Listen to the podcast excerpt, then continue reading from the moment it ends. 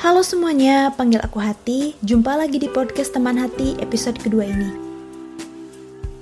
Kalau di episode sebelumnya kita udah bahas-bahas tentang masa lalu dan udah berterima kasih juga nih sama masa lalu, semoga kondisi hati teman-teman saat ini sudah dalam perasaan yang ikhlas dan merelakan masa lalu ya.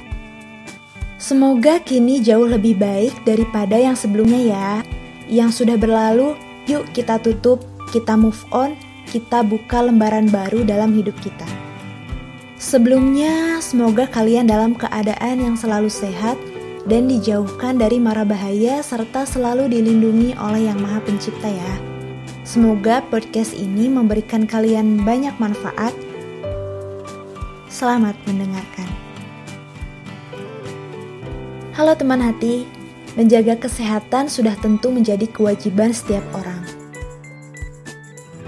Dengan sehat dan fit, kita dapat menjalani hari dengan semangat. Sehat jasmani bisa kita usahakan dengan berbagai cara. Nah, salah satunya adalah dengan olahraga dan makan makanan yang bergizi. Tetapi selain kesehatan fisik, kesehatan mental juga nggak kalah penting nih teman hati. Cara yang sudah populer digunakan di masyarakat adalah dengan cara mindfulness. Nah, apa itu mindfulness?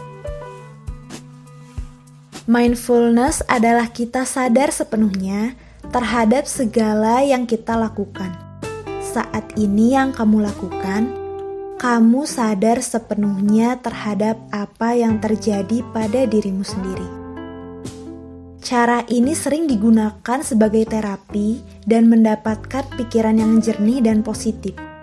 Yang mana dengan mindfulness, atau hidup dengan penuh kesadaran ini dapat membantu kamu untuk lebih bisa mengatur emosi dan mengambil keputusan yang baik, walau kamu sedang dalam keadaan yang stres nih teman hati.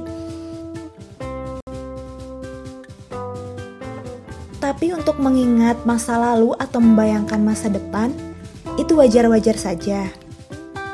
Melihat masa lalu untuk mengambil pelajaran dan melihat masa depan untuk merencanakan sesuatu yang lebih baik lagi. Nah, yang menjadi problema masa kini adalah manusia lebih banyak memikirkan masa lalu dan masa yang akan datang ketimbang apa yang dia lakukan saat ini, teman hati. Bagaimana mindfulness bisa berdampak pada kesehatan? Yaitu ketika kita mengikhlaskan apa yang sudah lalu maupun yang akan terjadi di masa depan, itu akan menambah kepada kesehatan kita. Aji Santoso Putro, seorang praktisi mindfulness juga mengungkapkan bahwa dengan berlatih mindfulness, dengan berlatih mengistirahatkan batin kita, dengan mengistirahatkan pikiran kita, kita menjadi terampil untuk mengalami sakit. Kita diberi pelajaran soal kebijaksanaan bahwa sakit itu bukan merupakan sebuah musibah tetapi perlu berdamai dengan rasa sakit itu. Kalau kita memusuhi sakit, maka sakit akan semakin sakit. Tetapi bukan berarti mindfulness ini semua rasa sakit gitu akan sembuh. Tentu tidak ya teman hati. Mindfulness melatih diri kita untuk terampil mengalami rasa sakit. Karena kebahagiaan hanya ada ketika kita bisa mengalami kenyataan ini seapa adanya. Karena sebenarnya apa pun yang terjadi itu adalah netral. Tapi hanya pikiran saja yang menghakimi suatu kejadian. Oh, ini positif. Oh, kejadian ini negatif. Ini berkah, ini musibah. Nah, mindfulness mengajarkan kita untuk mengurangi menghakimi. Mindfulness adalah kita berlatih menyadari suara-suara yang ada di pikiran kita dan kita berlatih untuk tidak terlalu percaya pada pikiran kita sendiri. Dan sebenarnya itu yang bikin kita tenang. Mindfulness mengajarkan kita lihai dalam memilih sesuatu yang benar-benar penting. Dalam menjalankan mindfulness ini sebetulnya tidak perlu ribet dan banyak syarat. Kamu perlu niat untuk melakukannya. Nah, kapan kamu harus mulai belajar dan berlatih mindfulness nih? Menurut Aji Santoso Putro, sebenarnya tidak ada batasan usia dan kapan kita harus mindfulness ini. Namun indikator kapan ketika kamu merasa, wah saya sudah saatnya berlatih mindfulness, mungkin adalah ketika kamu mengalami masalah-masalah kesehatan. Kamu sakit, asam lambung meningkat, kamu stres dan mengalami gangguan tidur, kamu tidak bersemangat bekerja, dan produktivitas kamu menurun. Karena produktivitas itu perlu ya, tapi produktivitas bukan sebanyak apa pun yang kita kerjakan, tetapi adalah ketika kamu mendalami suatu pekerjaan. Jadi, meskipun dalam satu hari kamu hanya melakukan beberapa aktivitas, tapi kamu benar-benar mendalami pekerjaan itu untuk mencapai suatu yang bermanfaat maka itulah sebuah produktivitas. Menghasilkan sesuatu produktif. Terus bagaimana nih berlatih untuk mindfulness? Aji mengungkapkan ada tiga latihan.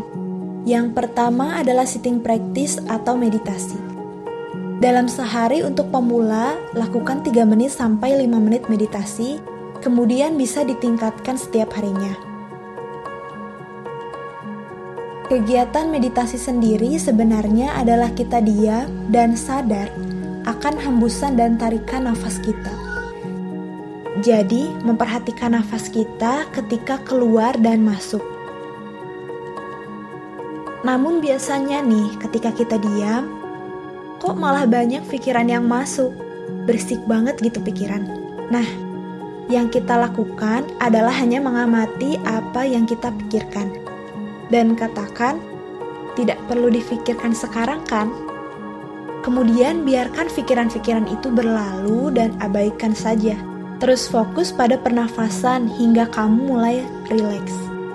Bisa pakai musik, namun Aji sendiri tidak menyarankan terus menggunakan musik karena ditakutkan akan ketergantungan pada musik. Jadi ketika kita ingin rileks, wah harus ada musik nih, aku pengen rileks. Nah, supaya tidak ketergantungan gitu ya. Karena latihan yang kedua adalah berlatih sambil bergerak. Nah, kalau tadi kita berlatih sambil diam dulu nih, kita sekarang udah mulai mencoba untuk berlatih sambil bergerak. Nah, di sini contoh seperti kita melakukan yoga atau sambil berjalan.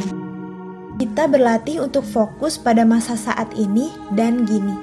Misal, Ketika berjalan, kamu tarik nafas, kemudian hembuskan nafas. Kamu hanya perlu fokus pada apa yang kamu lakukan saat ini dan apa yang terjadi pada dirimu saat ini. Nah, kemudian yang ketiga adalah latihan dalam dunia kerja dan single tasking. Karena sebetulnya multitasking kurang baik untuk kesehatan. Meskipun terdengarnya keren gitu ya multitasking.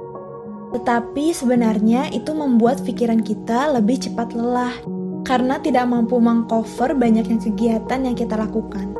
Nah, cara single tasking ini melatih diri kita untuk fokus pada masa saat ini dan gini. Juga membuat pikiran kita tidak mudah lelah, meski rasanya sulit untuk menjalankan single tasking di zaman sekarang ini. Tapi setidaknya dalam satu hari, cobalah lakukan kegiatan yang single tasking. Berlatih untuk fokus pada apa yang terjadi dan kamu lakukan pada masa saat ini. Nah, sudah banyak yang merasakan manfaat dari mindfulness atau hidup dengan penuh kesadaran ini. Antara lain seperti pikiran lebih enteng dan dampak pada kesehatan juga meningkat.